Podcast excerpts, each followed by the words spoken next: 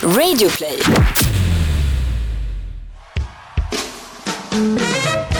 Ladies and gentlemen, welcome to the greatest podcast in the world. And here they are live from Bauer Media House. Here is Victor and the Pharaoh Podcast! Meine Damen und Herren, einen wunderschönen guten Abend und einen herzlichen Willkommen zu Victor und Pharos Podcast.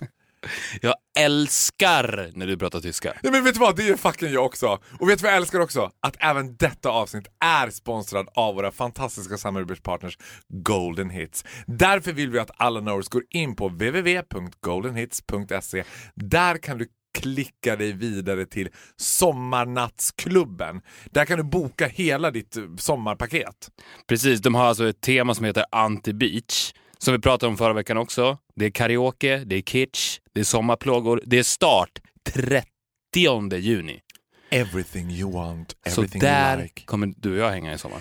There will be golden tits på Golden Hits. Oh yes. Och eh, Faro kanske kommer prata tyska på golvet också. Ich will alles übergarnisch. Vad heter mit Golden Hits på tyska? Golden Hits. ah, was macht du? Du weißt jetzt inte Golden Hits? Ska vi göra ett helt avsnitt på tyska i tron om att vi är jättestora? Det är, alltså, det är ju en Men, sorg. men får jag fråga en sak? Mm. När du pratar tyska, pratar du tyska då? Nej. Nej. Om jag... Alltså, pratar... Men jag tror du, prat, du pratar så pass bra låtsas tyska att jag tror att du skulle kunna lura en tysk. Nej men alltså har du hört mig prata franska? Jag pratar så bra låtsas Fast franska att inte jag har lika bra. flytande konversationer med fransos. Fast det är inte lika bra. Whether it's a problem my love. Du kan göra det på engelska. The biggest problem is you look exactly like a German guy. Gud, och jag älskar det. Ännu mer nu när du är blondie. Ja, men problemet är också att du kan flytande franska.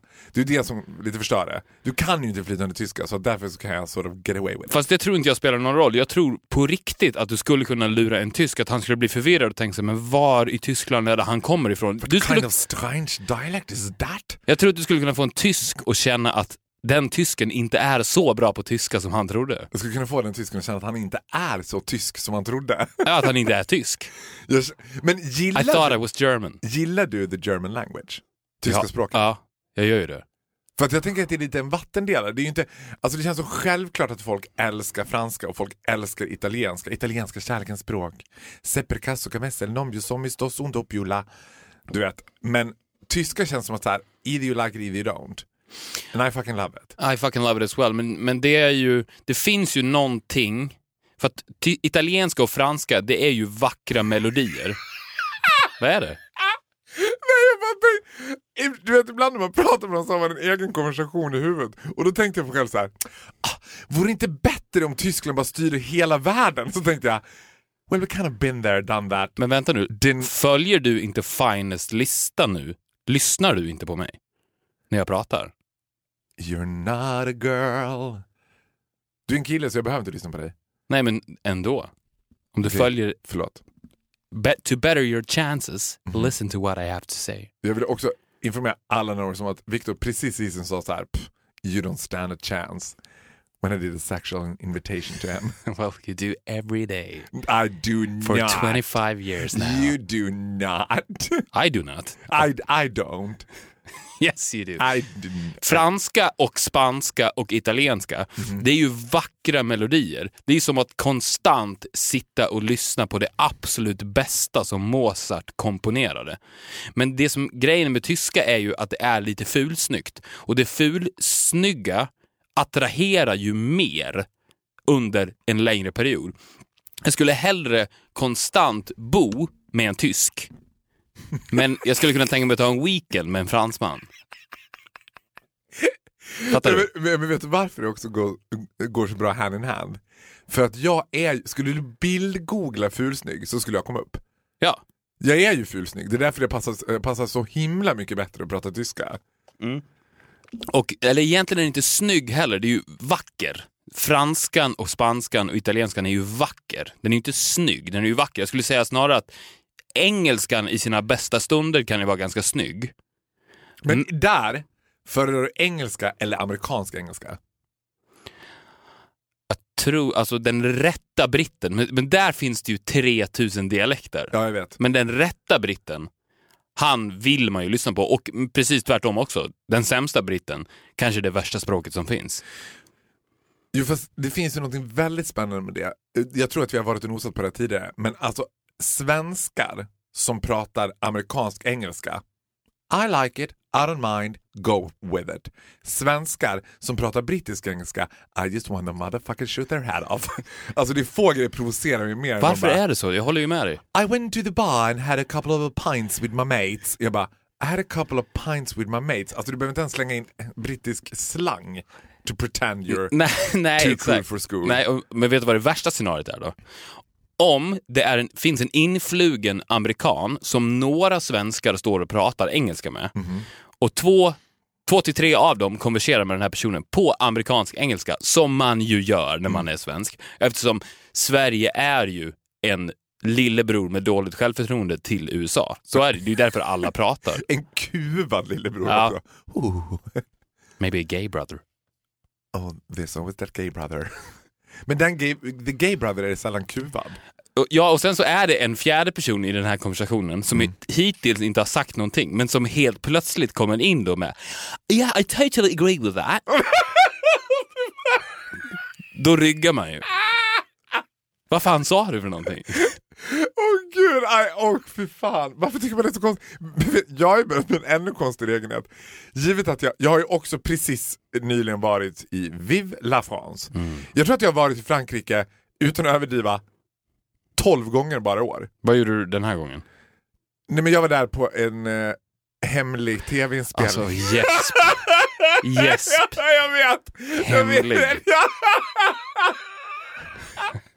Men alltså vet du vad, jag fattar inte. Det är som att TV4 fortfarande är inne i så här faxåldern, att de bara Ja, men det är de ju. "Nu Kolla, kolla på vilka program som de producerar. lägga ut någonting i sociala medier om vart ni är. Ni får lägga ut att ni är i Frankrike på ett hemlig tv-inspelning väldigt nära en medeltida fästning där man kan göra olika saker. Mer än så, alltså vi vill verkligen inte att ni gör mer.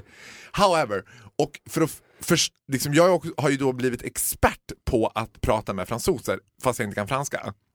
Och du pratar engelska med väldigt stark fransk accent, då fattar de. Annars är ju fransoser generellt ett folk som bara, om du säger så här, eh, I would like a glass of champagne. Uh? Je, je ne sais pas. Je, eh, a glass of champagne. Eh, champagne? Ah, champagne! Champagne. De låtsas som inte fattar någonting unless you have a perfect French accent. Så då har jag börjat prata engelska vanligtvis också med en ganska bred fransk accent. Jag jobbar ju på ett franskt företag där alla högt uppsatta, det är också en maktgrej, att när jag börjar prata med dem bara ah, bonjour, I had a very good lunch this morning, uh, how did you like it? Och de bara hmm, that guy is clever, he speaks good English. Tänker de de fransoserna? Exakt. Men det måste ju ändå upplevas väldigt märkligt för fransmannen när du konverserar med honom på engelska med en, med en väldigt stark fransk brytning. Han måste ju tänka varför pratar han inte franska? Då kanske han tänker sig att ah, men han försöker vara respektfull inför sitt company som han är här med. Det är därför, för att de pratar inte franska. Vilken varm person. Det är därför han pratar engelska. Men tror inte du att folk tänker det generellt om mig? Åh, vilken varm person. Det tror jag. tror jag, jag tror faktiskt inte det. Vilken glad person, men inte särskilt varm. I'm on my tippy toes. Över, alltså, jag, jag upptäckte igår en helt ny, alltså jag har ju en egenhet som jag gör liksom. Igår var det ju eh, lördag kväll, Summerburst. Justin I Bieber. was there. Var det det? Nej, i fredags var det. So was I. I know. I didn't see you in the VIP. I wasn't in the VIP. I, I know. was among the knowers. I, I was know. among the real people. Nej. I was among the common people. Since I am one of the common people. Men vadå, var du också där i fredags? Jag, ja, men jag var där på grund av att vår manager var där. Ja, det var ju en was absolut mardröm. Ja, jag kan tänka mig det. kan ha varit, vet du vad? Not turning Mariah Carey så kan det nog ha varit det värsta jag varit med om i mitt liv. Jag är helt oförberedd. Alltså tänk dig att det var som en gigantisk studentskiva. Mm. Det var ju bara 18, de äldsta var ju 19. I mean, which in my book usually is a good thing. Du vet, det var ju som en buffé. Men det var ju typ 12 000 fulla tjejer i 18-årsåldern. Jag kunde inte gå två meter utan att någon kom fram och bara Foto! Och det var kind of nice, men i alla fall. Vad skulle jag säga? Nu skulle jag säga något sommarbröst. Ja, i lördags började det regna så då tänkte jag no summerburst for me. Plus att jag också är rädd för heterosexuella killar som gillar Justin Bieber. Det finns något helt vansinnigt liksom homoerotiskt med deras kärlek till Justin Bieber. Så att jag stannade hemma och då har ju min favoritgrej att göra när jag ligger hemma helt ensam och väntar på att Dolphy ska sluta festa är ju att titta på flygkraschdokumentärer. I know. Everybody knows. Favoriten är Air France flight 447, Rio de Janeiro, Paris. Men nu Men får jag fråga en sak om det här? För att jag älskar ju den här ritualen. Jag älskar ju människor som har ritualer. Och jag är ju ritualens okrönta drottning, jag har ju bara ritualer. Ja, och gör det här ur... Det, alltså det enda syftet med att göra det- här, det, det här du gör är för att det är en ritual. Alltså du tittar ju, för det är det jag undrar, kollar du på samma om och om och om Ja, ja, igen? ja. ja, exakt. Och tycker det är lika bra varje gång. Men det är ju något meditativt, man försätter ju sig själv i en trans. Där man, där man också så börjar, jag, nu vet jag vad de ska säga, jag vet när de hittar svarta lådan, jag vet hur piloterna kommer diskutera med varandra. C'est bon, c'est de, le, le, le, le, le, le katastrofe. Du vet. Jag tycker det är så spännande så jag dör. Men då upptäckte jag också så här.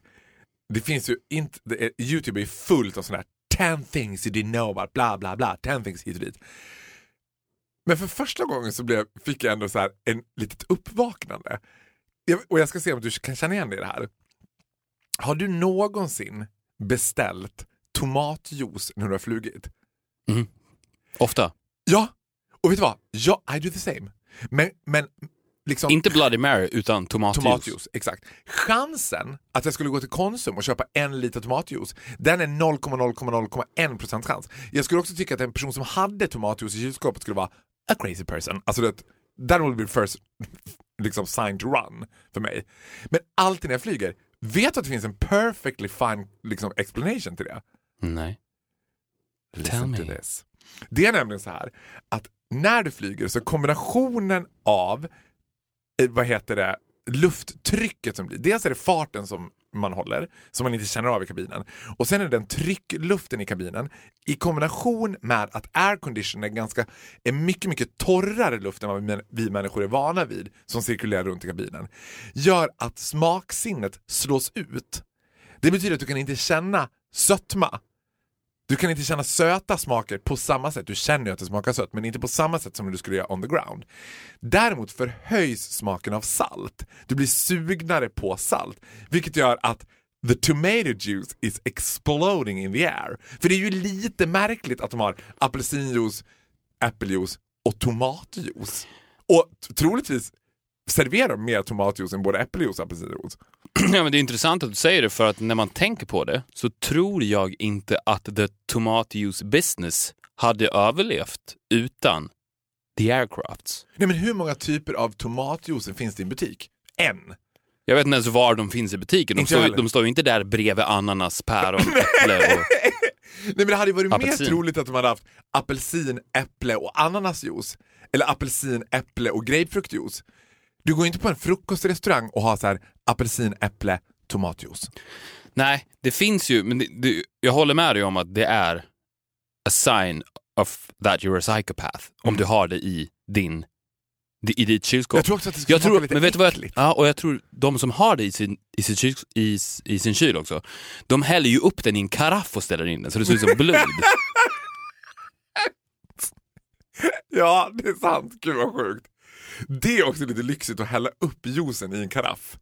Då visste man när man var liten att man var hemma hos en kompis som hade liksom wealthy parents om de hade juice i karaff. Ja. Men speaking of tomatjuice och speaking of ICA slash Konsum slash alla andra mataffärer. Jag var inne och handlade idag. Det finns ingenting som gör mig mer irriterad än folk som har ett ICA-kort. Eller ett bonuskort. Är du medveten om hur det här bonussystemet fungerar på ICA, Konsum och så vidare? Frågar du Det mig? är inte som points in the air. det, var som det var en fråga till mig nu. Ja. Inte en blekaste susning. Nej, okej, då ska jag berätta det för dig. Betyder detta att du har ett ICA-kort? Nej, det betyder absolut inte det. För att jag stod och hand, alltså jag blir alltid provocerad i köer. Mm. Because pe- people are slow and I'm fast. Mm. Och det finns ju ingen fastlane. Jo, jag älskar ju i och för sig självscannen. Alltså direkt, varje gång jag är i självscannen så är det som att personalen tittar åt mitt håll och bara, han måste börja jobba här. Mm. Jävlar vad snabb han är. Alltså, produktiv. He's good for business. Men alla affärer har ju inte det. Så då hamnar man i en kö. Och då är det en person, en man som står framför mig, som drar fram de här kupongerna då. ICA-kupongerna. Alltså det var, han hade en kupong på tre kronor, en på fyra, någon på två. Mm. Alltså förstår du nivån av snålhet? Att skaffa det här kortet, dra det varje gång och sen så en gång i månaden så får du kuponger hemskickade där du får fyra kronors rabatt. Som du då tar med dig till affären. Alltså speaking of miljöbovar. Det här är ju ett sinnessjukt system. För att det finns ju ingen som är så långt ner på samhällsskalan som går och handlar på ICA Konsum i Stockholm, men måste ha 4 kronors rabatt. Man kan inte vara så långt ner, för då är du inte inne där. Då handlar du inte där. Nej, men problemet är så här, jag tror att du missar en viktig poäng. Att all typ av eh, rabattformer eller såna här giveaways som butiker håller på med, det lockar upp folk. Lita på mig som har jobbat i detaljhandel så länge jag kan minnas. De blir galna i de där rabatterna. Men de förstår inte riktigt hur, vad de har rabatt på eller hur mycket rabatter de har. Men det är som att de skriker i entrén RABATT! Och, du vet, och, och har de glömt sina Alltså det är på literally så att en person kan köpa en, i mitt fall då, en tvål för typ 40 spänn. Har 10% rabatt på den. Kommit på att den har glömt sin 10% rabattkupong hemma. Säger jag kommer tillbaka imorgon istället. Mm. Det är fyra spänn. Det är fyra spänn som du missar nu. Are you out of your mind?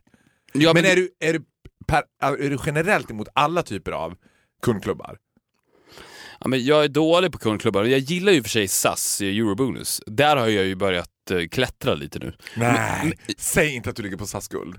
Nej, jag ligger inte på guld, men jag kommer nog göra det. Ligger på SAS silver. Jag ligger på SAS silver. Jag med. Let's stay together like shup shup och dinky dinky doo. Ja, men där, där känns det ändå som att det finns en fin reward i och med att du kan flyga för poängen. Jo fast där har jag en annan faktiskt. Du måste, ja, är du medveten om att du måste flyga så in i helvete mycket med SAS för att få en gratis resa till Göteborg typ? Ja, fast det, är för, det beror på var du flyger. Du flyger ju konstant till Paris. Men om du flyger fram och tillbaka till, Till USA LA, like- fem, sex gånger, then you're in for a ride man. Är det så? Mm. Glöm inte att du också kan använda ditt SAS bonus på alla Star Alliance, vilket också inkluderar Lufthansa. Du vet också att du kan ha ett American Express som är kopplat till SAS. Så att varje gång du handlar någonting överhuvudtaget så får du poäng. Du vet, I trust myself for nothing när det kommer till ekonomi. Varenda gång jag tittar på förnedrings-tvns okrönta drottning, Lyxfällan, så sitter jag bara och tänker så här. It could have been me. Du vet, jag förstår inte folk som tycker så här. Hur kan de? Jag hatar Lyxfällan. Jag hatar de där två ekonomer i Lyxfällan som ska... Alltså, du vet, det är någonting så jävla konstigt med vuxna skäller på vuxna. Du vet när de också kommer in som två. Ha, hur har ni tänkt? Fast, fast jag tror heller inte på Lyxfällan. Nej, det tror inte jag heller. Jag tror inte ett dugg på Lyxfällan. För, för att när de står där med två stycken, två, ett par som kommer från Motala. Ja, i lägre medelklass. Bara, Ja, let's, just, let's just leave it at that. Yeah, let's just leave it at that. Ja, då, det skulle, vi säger så här, de ligger på den samhälls... eh, De, de ligger på den samhällsklassen att det skulle vara motiverat för dem att ta med fyra kronors rabatten. Så känns det i alla fall. Exakt. Så upplevs det. Då säger de jämt till dem så här, när de gör den här uträkningen, men ni går ju back 60 000 i månaden. Det kan ju inte stämma. Det är ju omöjligt. Nej men jag tänker alltid så här. Well done! Alltså lyckas man leva som de gör, men inom situationstecken skulle gå back 60 000. Alltså då, de har skulder på varje månad på 60 000, but they're still in there. They're hanging on. Vad fan ska Lyxfällan komma där och sabba? då? Men Då och de, hur går de back? Alltså, för att... Det är ju skulder. Det är att de fyller på sina, liksom, sitt skuldberg. Ja, men hur är det ens möjligt att fylla på det så pass mycket? För det här har ju ofta pågått under en lång period. Det är ju inte som att de, de söker ju inte Lyxfällan när de har gått back då 60 000 i en månad. Det här har ju ofta pågått i flera, flera år. Och om det har pågått i flera, flera år så är det uppenbart att det här systemet fungerar ju rätt bra också. Men, men tror du att det finns folk som söker till Lyxfällan själva, eller är det alltid någon annan som söker till dem? Jag Nej, tänker på sådana hur fan castar man Biggest Loser? Att man bara, Veronica, nu är ju du inte obese, but morbidly obese. Jag funderar på liksom Biggest Loser, kan det vara något för dig? Alltså hur skulle man approacha, om du, säg att du och din fru hade ett annat par som ni umgicks med som ni kände they are the They're, way. they're big. They're big! Alltså båda två också. They are enjoying a good meal. Nej, men jag menar att ni kände att de var ekonomiskt på väg down the drain. Skulle ni approacha dem och bara säga du vi har anmält er till Lyxfällan? Ja, men folk har ju fortfarande en, en konstig relation till TV. För att jag tror att det blir... Du kan säga det till någon så här, men du får ju i alla fall vara med i TV. Jag har anmält dig till Lyxfällan. Då, då ser de inte det som en förolämpning, utan de ser det snarare som att ja, här kan vi göra en liten karriär. De tänker nog att de kan göra en barturné som Lyxfällan-Mange i höst. Jag tror att det är fortfarande så folk ser på TV. Eller, eller liksom Biggest Loser Patrik. Problemet med Biggest Loser-medlemmarna är att de är med i TV. Sen när de är klara så känner ju ingen igen dem längre. Nej. Då är de ju inte kända längre. De kommer inte få gå före i någon kö, för de ser ju inte ut, de ser ju verkligen inte ut som de gjorde när de klev in. Nej, nej Vilket jag tror är farligt med Biggest Loser också, för att om du är med i Biggest Loser, blir känd, så, så här, ah, det är han som är med i Biggest Loser. Sen så är du med i programmet, går ner alla kilorna, sen så kommer du ut på andra sidan, kamerorna har slocknat och ingen känner igen dig. Då tror jag att det finns en stor chans att de börjar äta upp sig igen, bara för att folk ska börja ropa på dem på stan igen. Och de känner säkert också så här, då kanske jag kan vara med igen. Ja, kan man få vara med i Biggest Loser två gånger? Men det är ju faktiskt helt sinnessjukt. Det måste ju vara det enda tv-programmet du går in i och där, när det är klart så känner ingen igen dig. Nej, my love. Kommer du inte ihåg vår generations... N- när slask-tv visade sitt absolut fulaste ansikte. Finaste. Ja, i och för sig. Jag vet vad, helt rätt. Egentligen var det faktiskt så. Slask-tv visade... Jag förstår inte varför man inte har tagit upp det här igen. The Swan. The Swan, jag älskar att säga det! det och det kom ju tyvärr aldrig till Sverige, men det var ju gigantiskt i USA. När man Jag åkte till älskade i The Swan när, när hon kom ner för trappen likt Cinderella Ja. och hennes white trash-man stod ju kvar där Ja. med två tänder, och lika vi- tjock. och han visste ju såhär, she's out the door faster than I can say Kentucky ja, men det var så, ja men exakt, det var ju som att hon bara gick för, nickade till honom och sen Ja. fortsatte gå ut genom dörren. I will never see you again. Men det måste ju vara helt vansinnigt. Alltså, Ska vi Swan- förklara vad The Swan var för Ja, någonting? jag kan förklara The Swan. The Swan var att man tog de som var från så här, My hair Texas, my name is Candela and I have ten children and I live in a trailer. I've been fighting and struggling a lot with my weight and I don't have any teeth and any hair left in my body. Du vet, och så var det så här, så fick de träffa 40 plastkirurger, 300 frisörer. Du vet, och så, det var väl också någon typ av tävlingsmoment, att vem blev vackrast? Eller var det bara att de Nej, det tror jag inte det var. det var bara att de, för det här var ju inte att de själva egentligen skulle put in som effort, det var inte att de skulle gå ner i vikt utan de fick en total body makeover kan man säga. Nya tänder, nytt hår, nytt ansikte, fettsut, nya tuttar, you name it. Och sen var den här scenen, precis som du säger, när de kom ner like Cinderella och så stod hela familjen och så var det en spegel och skulle den där, det är ju alltid en psykopatbög som leder de där programmen. En sån här massmördad, psyk- amerikansk massmördad psykopatbög som bara Candela, are you ready to meet the swan? Och så snurrar de spegeln och skulle hon bara Oh my god, look at those nice hooters. Now look. För det är det jag tänker, det var alltid bit of a masquerade. För att hennes personlighet, lite så tänker jag att Biggest Loser är också. Att du vet, you're still fat on the inside. You have a fat, liksom, fat person's personality. Du kommer, alltså du vet, Fast det kan ju i och för sig vara positivt tror jag. Att vara a fat person on the inside. Ja, det tror jag också. Men, men det blir jättekonstigt att se ut som The Swan but still have a white trash person. Du vet, så fort... Vet du vad? Följer du Britney Spears på Instagram? Nej. If you don't, do it. Love. Det är som att det är det enda kanalen som Britney Spears äger själv. Där hon så här visar... För Britney Spears känns ju som en... liksom- Swanig. hon känns väldigt swanig. Hon känns ju som en, så här, vad kan hon vara från North Carolina eller sån här. Och känns ju som en tjej som, så här, hade hon fått bestämma själv då hade hon blivit a bit of a big girl. I don't think she goes for diet coke, du vet. Hon gillar ändå så här. She likes food that is finger licking good. KFC, du vet.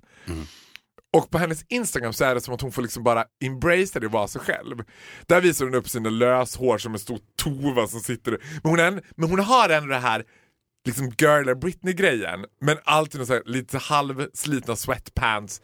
Liksom, man först, hon är the swan. Hon har det här swaniga. Och den personligheten blir ju konstig i en snygg tjejs kropp. Men det är intressant med The Swan också för att men jag kommer ju också ihåg att det fungerade ju verkligen på de här människorna. Mm.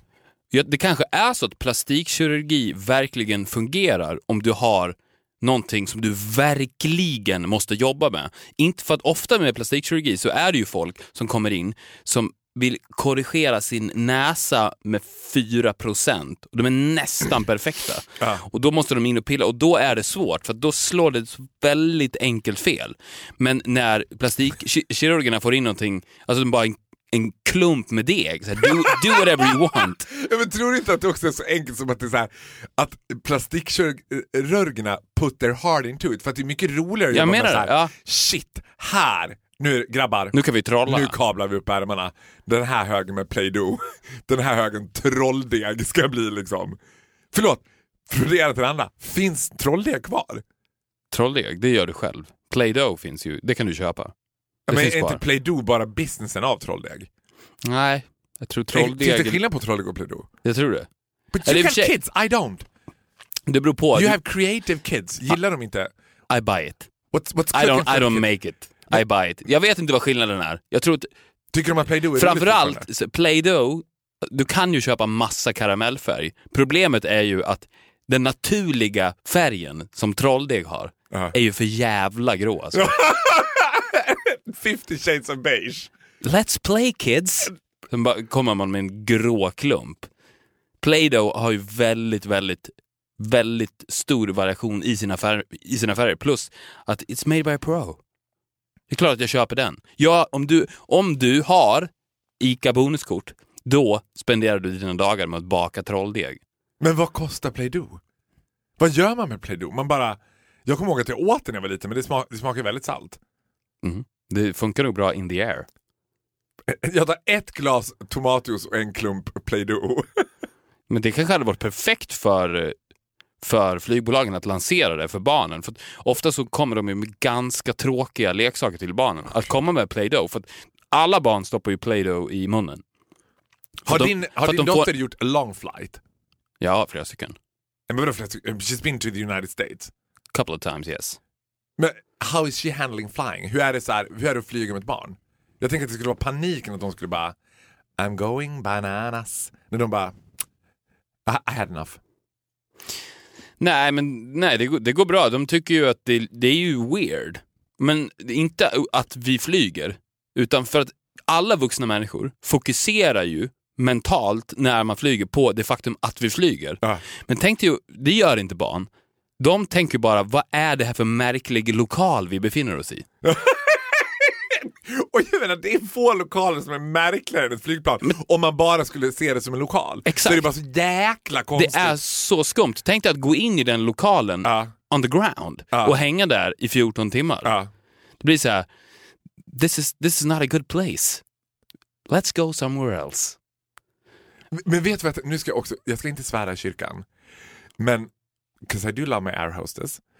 Men en grej som flygvärdinnor alltid gör, som jag tänker är någon, något sätt att liksom hålla, hålla en i ett så här psykologiskt järngrepp där uppe i luften också. Det är att flygvärdinnor är the epiphany av vuxna som pratar med vuxna som vuxna vore barn. Alla flygvärdinnor pratar med en som att man vore ett barn. Ja, du vill ha en gin och tonic. Ja, då ska du få en gin och tonic. Ja, är du lite flygrädd? Är du lite flygrädd? Ja, det ska det inte behöva vara. Du vet så här, som att man, för det är som du säger, min största skräck, alltså jag är ju absolut inte flygrädd, men enda gången, jag kan säga så här, jag har flugit med Samir Badran.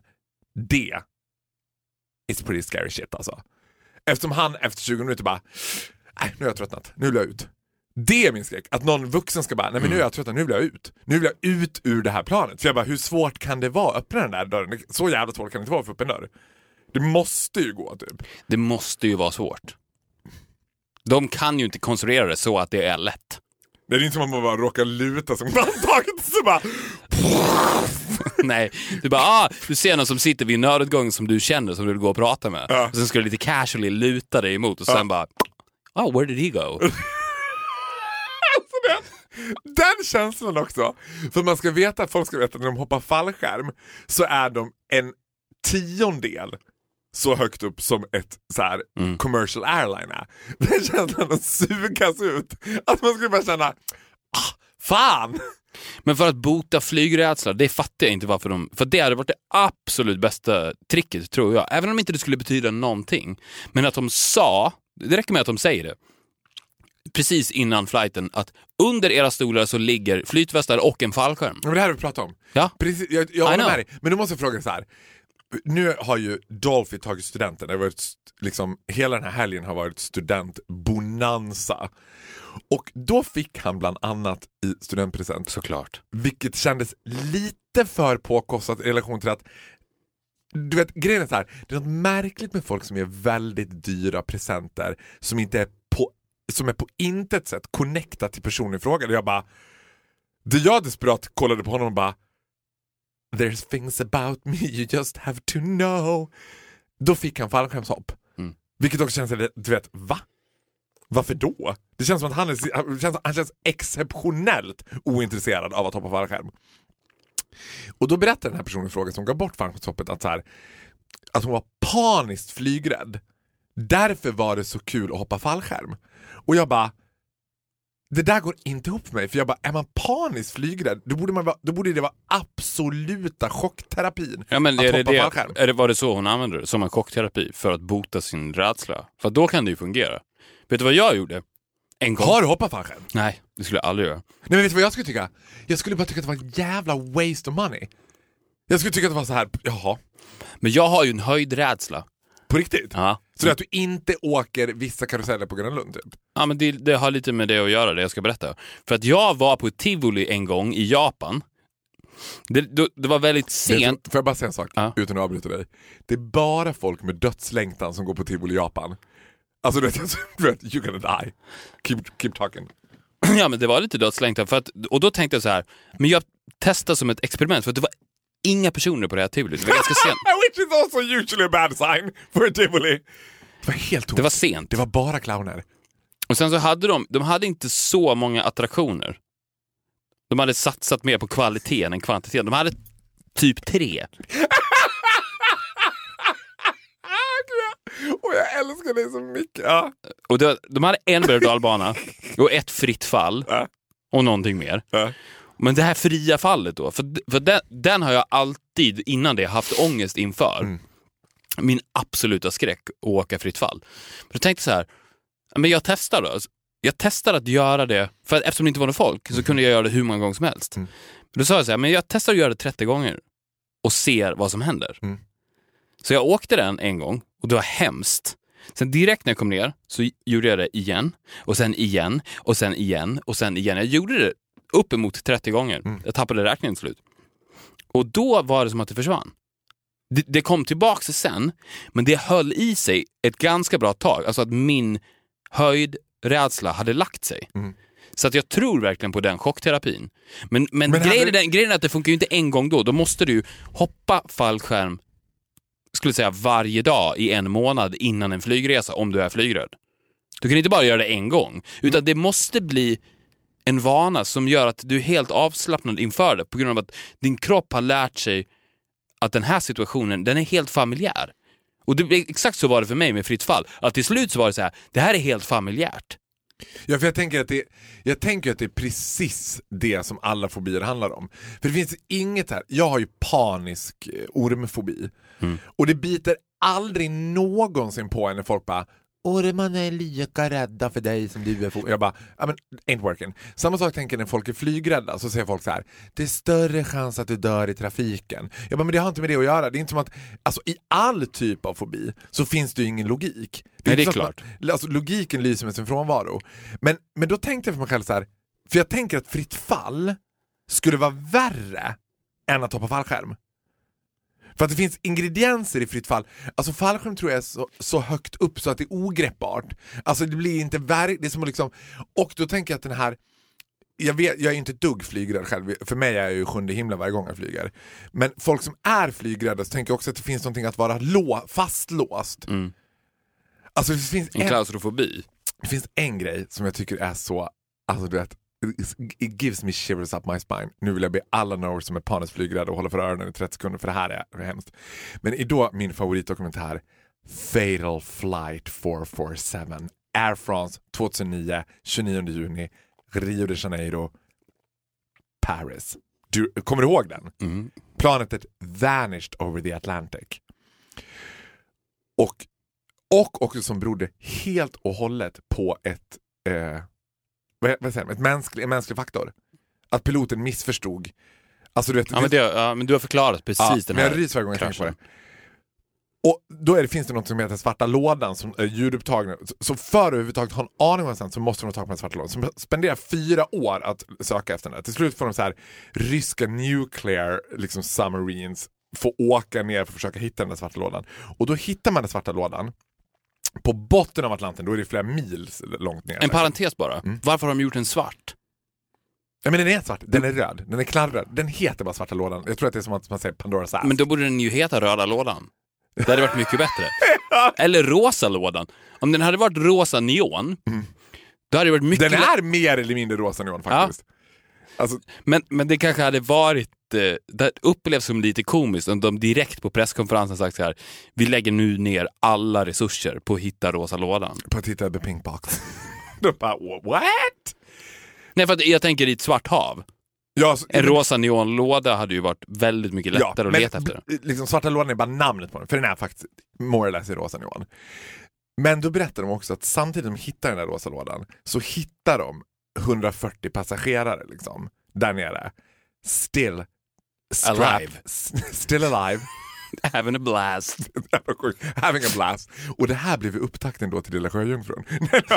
Nej men som, de hittar de här 140 passagerarna still strapped in their seats. Oj. Så då tänker jag att den är så här, för att passagerarna ombord på flight 447 var ju inte medvetna om att de var på väg att störta.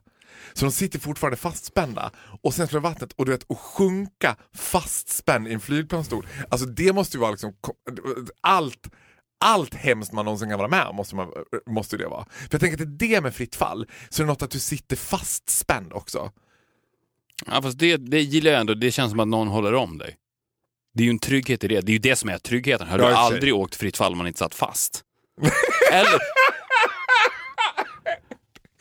Det vill att, ja, men vet, jag vet, vad, att vet du vad hoppa fallskärm är? Vet du vad hoppa Gröna fallskärm Lund är? borde lansera fritt fall extreme, där man inte sitter fast. Du får bara hålla i dig för allt vad kjoltygen håller. Liksom. Nej men vet du vad hoppa fallskärm är och varför jag inte skulle göra det? Nej. Det är om fritt fall skulle vara så att du satte på dig ditt bälte eller din strap efter halva turen.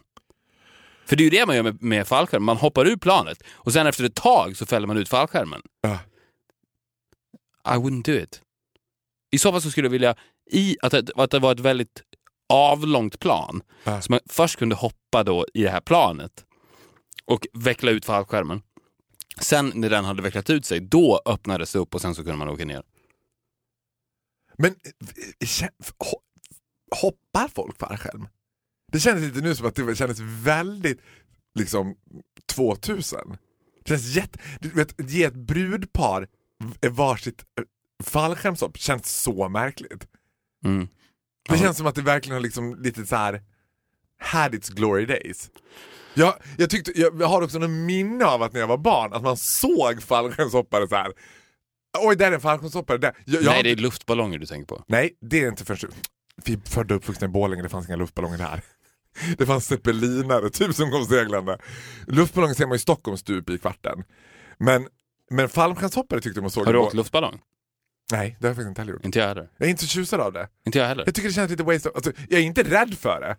Men för mig är det som att så här, Men jag fattar inte poäng, för att en luftballong, jag tycker att de är fina att titta på, på avstånd. Mm. Men att sitta mitt i dem, det, jag kan verkligen inte förstå poängen.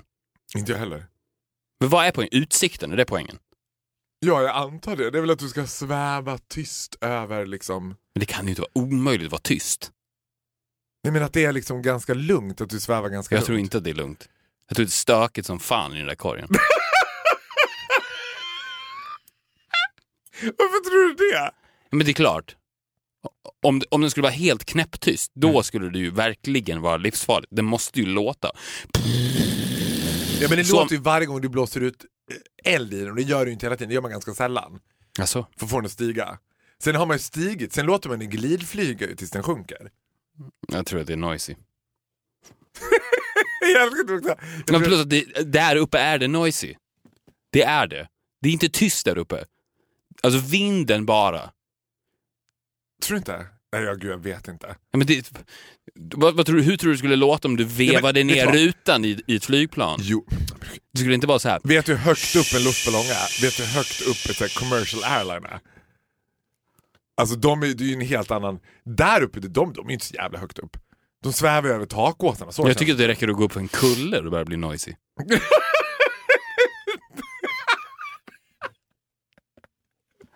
Är det sant? Jag, jag kom på efter att jag var på den här hemliga tv-inspelningen i Frankrike. Ah, sh. Vi kan inte säga någonting om vad det var för något. Eh, att jag är exceptionellt icke höjdrädd. Jag har inte ett dugg, jag har inte alls... Bless you. Jo, men alltså, det är ju spännande. Jag blir ju då fascinerad av att... Är du rädd för ormar? Nej, men grejen Är du inte minsta rädd? Så att du är så här, för, Fast, den är, fast det, det, tänkte jag på med din ormfobi. Det spelar ju ingen roll. Hur ofta kommer du stöta på en orm? Alltså jag stöter ju på höjder hela tiden. Hur ofta har du Men stött på en orm? Jag har aldrig stött på en orm. Nej, jag har inte heller suttit på en orm. Men Nej. eh, alltså jag aktar mig ju liksom för att göra det. Eller så här, Men det behöver du inte göra i Stockholm. jo, men jag, förs- jag tror ju att ormar är lite som de här våldtäktsmännen i Humlegården, att de plötsligt skapar fram och bara Haha! Ja, men en råtta är ju mer troligt. Ormar, det finns in... Råttor är bara pff, couldn't care less. Spindlar, pff, jaha there's a spider. I don't care. Ormar är, alltså, grejen är att är jag på en plats, till exempel, jag skulle aldrig i hela mitt liv åka till Australien. Jag är ett, jag är exceptionellt ointresserad av Australien. Två, alltså the main reason är att så här, där tror jag att ormarna ligger i klasar. Det kommer kliva av, jag tror att flygplatsen i Sydney är full av ormar. Ja, men det upplever den inte som en fobi som kan störa dig speciellt mycket i ditt vardagliga liv. Flygrädsla är, måste ju vara, för att du limiterar ju dig själv något så ohyggligt Ah. om du väljer att aldrig flyga på grund av din rädsla. Vet att jag, hade, alltså jag har en Men historia. du har ju inte på något, alltså, hur har du behövt kompromissa i ditt liv på grund av din ormfobi? Nej, det har jag aldrig behövt göra. Men jag- Skansen. när jag, var, när jag varit i situationer liksom, som kanske har handlat om en handfull situationer, typ Skansen, där jag vet att det finns ormar, då har man ju panik. Men jag måste kort bara säga en sak om det där med flygrädsla. En kort historia. Jag har en vän till en vän som är mm, paniskt flygrädd. Alltså riktigt, han går till terapi, det, det biter, det funkar inte. Han kan åka fritt fall 30 gånger, han kommer inte bli av med sin flygrädsla. Och så ska han och hans fru åka på smekmånad. Och det här är någonstans i Syditalien. Och han bestämmer sig då för nej jag bara biter ihop. Liksom. Jag får ta någon metablockera, jag får supa mig full på Arlanda. Jag måste göra det här. Liksom. Och det här kanske är första gången han ska flyga på fem år. Liksom. Så han, jag måste, det är en bröllopsresa. På vägen ut till Arlanda så bara, nej paniken tar över. Det går, han kan inte göra det. Allt är packat och klart och betalt. Frun får åka, han tar tåget. Hon är ensam tre dagar på deras bröllopsresa innan han kommer ner med tåg. Alltså då är man ju ägd av sin panikångest. Ja. Det, Alltså, och det är de också personerna som jag är livrädd för på plan. Mm. Vet du vilka jag hatar mest på plan? Nej. Man kan tro att det är barn. Nötallergikerna. Alltså jag tycker det finns inget mer självgott än folk som är nötallergiker. Jag tycker de är självgoda de som bara “jag är luftburen nötallergiker”. Man bara BS! Jag ska lägga en hög med jordnötter under din stol för att se om du ens kommer reagera. Jag tycker att det finns något med De är alltid lite nöjda över att de är nötallergiker också. Ursäkta för att fråga, finns det spår av nötter i det där? För att jag är nämligen luftburet nötallergisk. Därför älskar jag KLM. drama queens. KLM har ju helt sonika sagt såhär, är du nötallergiker får du aldrig flyga med oss. Ja, de valde jordnötterna före De passagerarna. jordnötter före passagerarna. För det går ju inte så här. Alltså det, då ska man säga så här, ja vi har, några, vi har en... Alltså folk bryr sig inte. Två gin och tonic in så är det någon som öppnar en påse jordnötter ändå, whether they like it or not. Och det är ingen som kommer märka något. Det är ingen jordnötsallergiker som någonsin har märkt. Har någon, alltså nu kommer jag ju få, alltså det här känns ju också som att I joked about a cat, they wanna kill me. Nu går jag på jordnötsallergikerna, they wanna kill me again. I wanna rape every single straight guy there is. Go for it Farrow, they couldn't care less. Men att gå på jord... Alltså, men så här, kan du hålla med om att de är självgoda? Du vet att your first love är jordnötsallergiker? Ja. Sveriges that's why, största. That's why it never worked out. det hade aldrig gått. You want a peanut? Nej men vet du vad, jag tror, jag tror inte på det. Du tror att det är en myt? Jag tror, att, det- jag, jag tror att luftburen nötallergi är en myt. Men finns det ens? Ja, men det är det de är. Har du, no, du har väl flugit någon gång och bara eh, och så har vi ett meddelande, vi kommer inte att servera jordnötter på den här flighten eftersom vi har en nötallergiker med oss ombord. Vi ber samtliga passagerare ha överseende med detta och vi ber därför att inte öppna några jordnötspåsar under flygresan. Du vet. Det är inte så att man öppnar en jordnötspåse och börjar sitta och kasta in nötter i munnen på någon som är nötallergiker. Jaha, men jag, jag förstod inte att det var därför. Nej men det är ju att man får inte öppna för att de är luft... Ja, men jag trodde det var för att man skulle visa respekt för allergiken. Att alla sitter och äter Ja, och, och som han är får inte. vi kommer bara servera glutenfri. Nej men Jag- att, han, att det blir orättvist. Alla då- äter jordnötter och han får inte. Nej men då skulle det vara så med folk som är glutenintoleranta. Det blir inga bakelser på det här planet eftersom vi har en glutenallergiker. Vi har också den som är laktoskänslig så det blir ingen mjölk till kaffet, det blir bara vatten. Typ. Vad är någon som är vattenkänslig?